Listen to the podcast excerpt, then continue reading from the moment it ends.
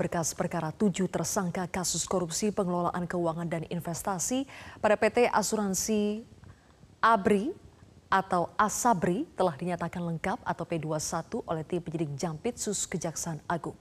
Ketujuh tersangka dan barang bukti juga telah dilimpahkan ke Pengadilan Negeri Jakarta Timur untuk segera diadili. Dalam rekaman video yang diunggah Kejaksaan Agung, Kepala Pusat Penerangan Hukum Kejaksaan Agung, Leonard Ebenezer Simanjuntak menjelaskan saat ini berkas perkara kasus korupsi pengelolaan keuangan dan investasi di PT Asabri telah dinyatakan lengkap Ketujuh tersangka dan barang bukti juga sudah dilimpahkan penyidik ke Pengadilan Negeri Jakarta Timur untuk segera disidangkan. Tujuh tersangka yang terlibat kasus korupsi di PT Asabri, yakni Direktur Utama periode 2011-2016, Bajen TNI Purnawirawan Adam Rahmat Damiri, Direktur Utama PT Asrabi, Asabri periode 2016-2020, Lejen TNI Purnawirawan Sony Wijaya, Direktur Keuangan PT Asabri 2008 hingga 2014, Bahtiar Effendi, Kemudian Direktur PT Asabri 2013 hingga 2019 Setiono, Kepala Divisi Investasi PT Asabri 2012 hingga 2017 Ilham Siregar, serta dua orang pihak swasta, Dirut PT Pribajaringan Lukman Purnomo Sidi dan Direktur PT Jakarta Emiten Investor Relation Jimmy Sutopo. Kejaksaan mentaksir kerugian negara akibat korupsi tersebut mencapai 23 triliun lebih saat ini penyidik telah menyita sejumlah aset dari para tersangka berupa tambang, mobil mewah, tanah, hingga kapal tongkang senilai 10,5 triliun rupiah. Jaksa penyidik pada Direktorat Penyidikan Jaksa Agung Muda Tindak Pidana Khusus telah menyerahkan tanggung jawab tersangka dan barang bukti beserta tujuh berkas perkara dugaan tindak pidana korupsi pada PT Asabri kepada Jaksa Penuntut Umum pada Direktorat Penuntutan Jaksa Agung Muda Tindak Pidana Khusus dan Kejaksaan Negeri Jakarta Timur.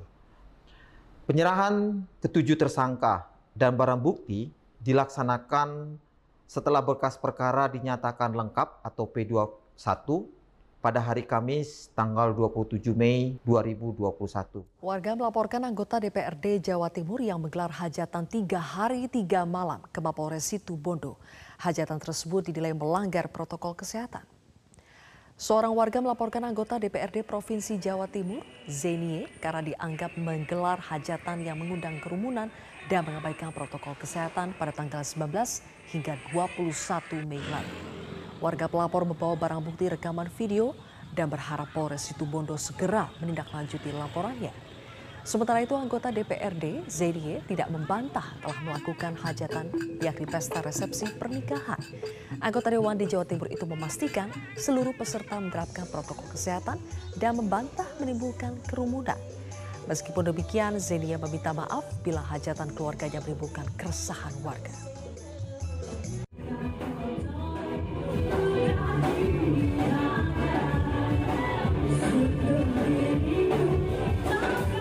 Saya meminta kepada pihak Polres Situbondo untuk menindaklanjuti terkait hal ini karena selama ini Situbondo masih apalagi dalam status orange. Nah, dan di sini juga kami berharap pihak Polres Situbondo segera bisa memproses terkait dugaan dugaan adanya pelanggaran prokes ini agar hal ini tidak ditiru oleh masyarakat Situbondo yang lain berita viralnya pesta pernikahan anak saya, eh, saya dan keluarga menyampaikan permohonan maaf yang sebesar-besarnya kepada seluruh masyarakat jika dianggap ada indikasi beberapa orang tidak menggunakan protokol kesehatan. Tetapi yang jelas eh, proses dari awal kita sudah prepare sedemikian rupa mulai sebelum pesta pernikahan itu e, berjalan. Ya namanya pro kontra, saya pikir itu hal yang wajar. Apalagi kami adalah sebagai pejabat publik seperti itu. Mungkin yang di shot kebetulan diambil video, yang diambil foto itu adalah posisi di tempat makan yang pada saat itu itu memang namanya makan ya tidak mungkin ketika makan itu menggunakan uh, masker. Viral di media sosial, video seorang manajer toko salah satu toko pakaian di Mall Panakukang, Kota Makassar, Sulawesi Selatan mengamuk. Diduga membawa senjata tajam dan mengancam karyawannya Beruntung pihak pengamanan mal berhasil melerai.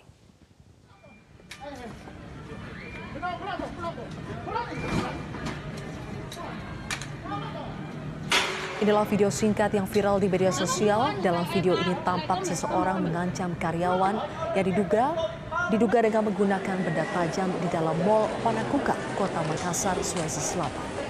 Beruntung pihak pengamanan mall berhasil melerai sehingga tidak sempat terjadi pertengkaran.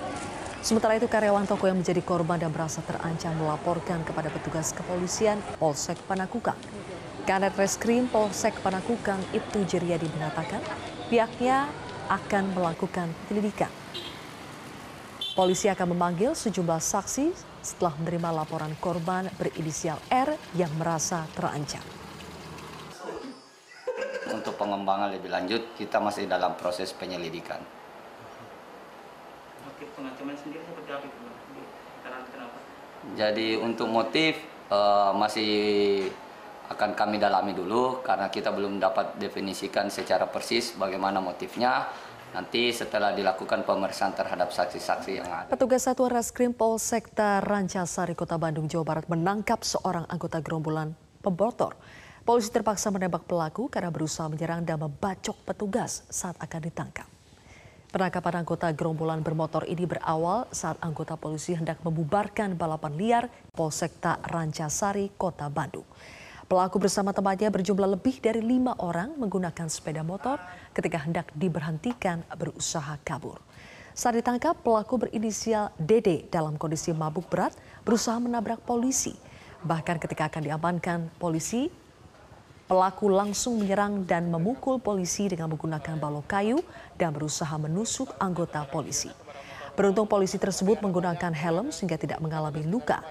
Polisi pun mengambil tindakan tegas dengan menembak pelaku yang mengenai pinggang dan punggung. Namun nyawa pelaku berhasil diselamatkan. Pelaku terancam hukuman penjara di atas lima tahun karena memiliki senjata tajam tanpa hak. Lima kendaraan yang uh, ada, satu yang sempat ditarik oleh kanit reskrim uh, dan sempat uh, akan melukai kanit reskrim kami.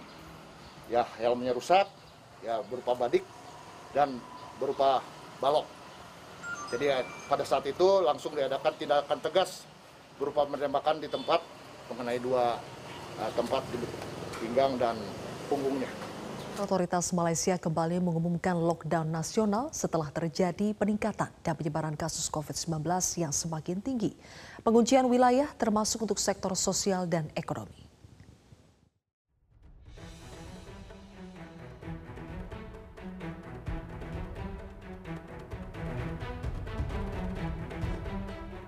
Penguncian wilayah atau lockdown di Malaysia akan berlangsung mulai 1 Juni hingga 14 Juni mendatang.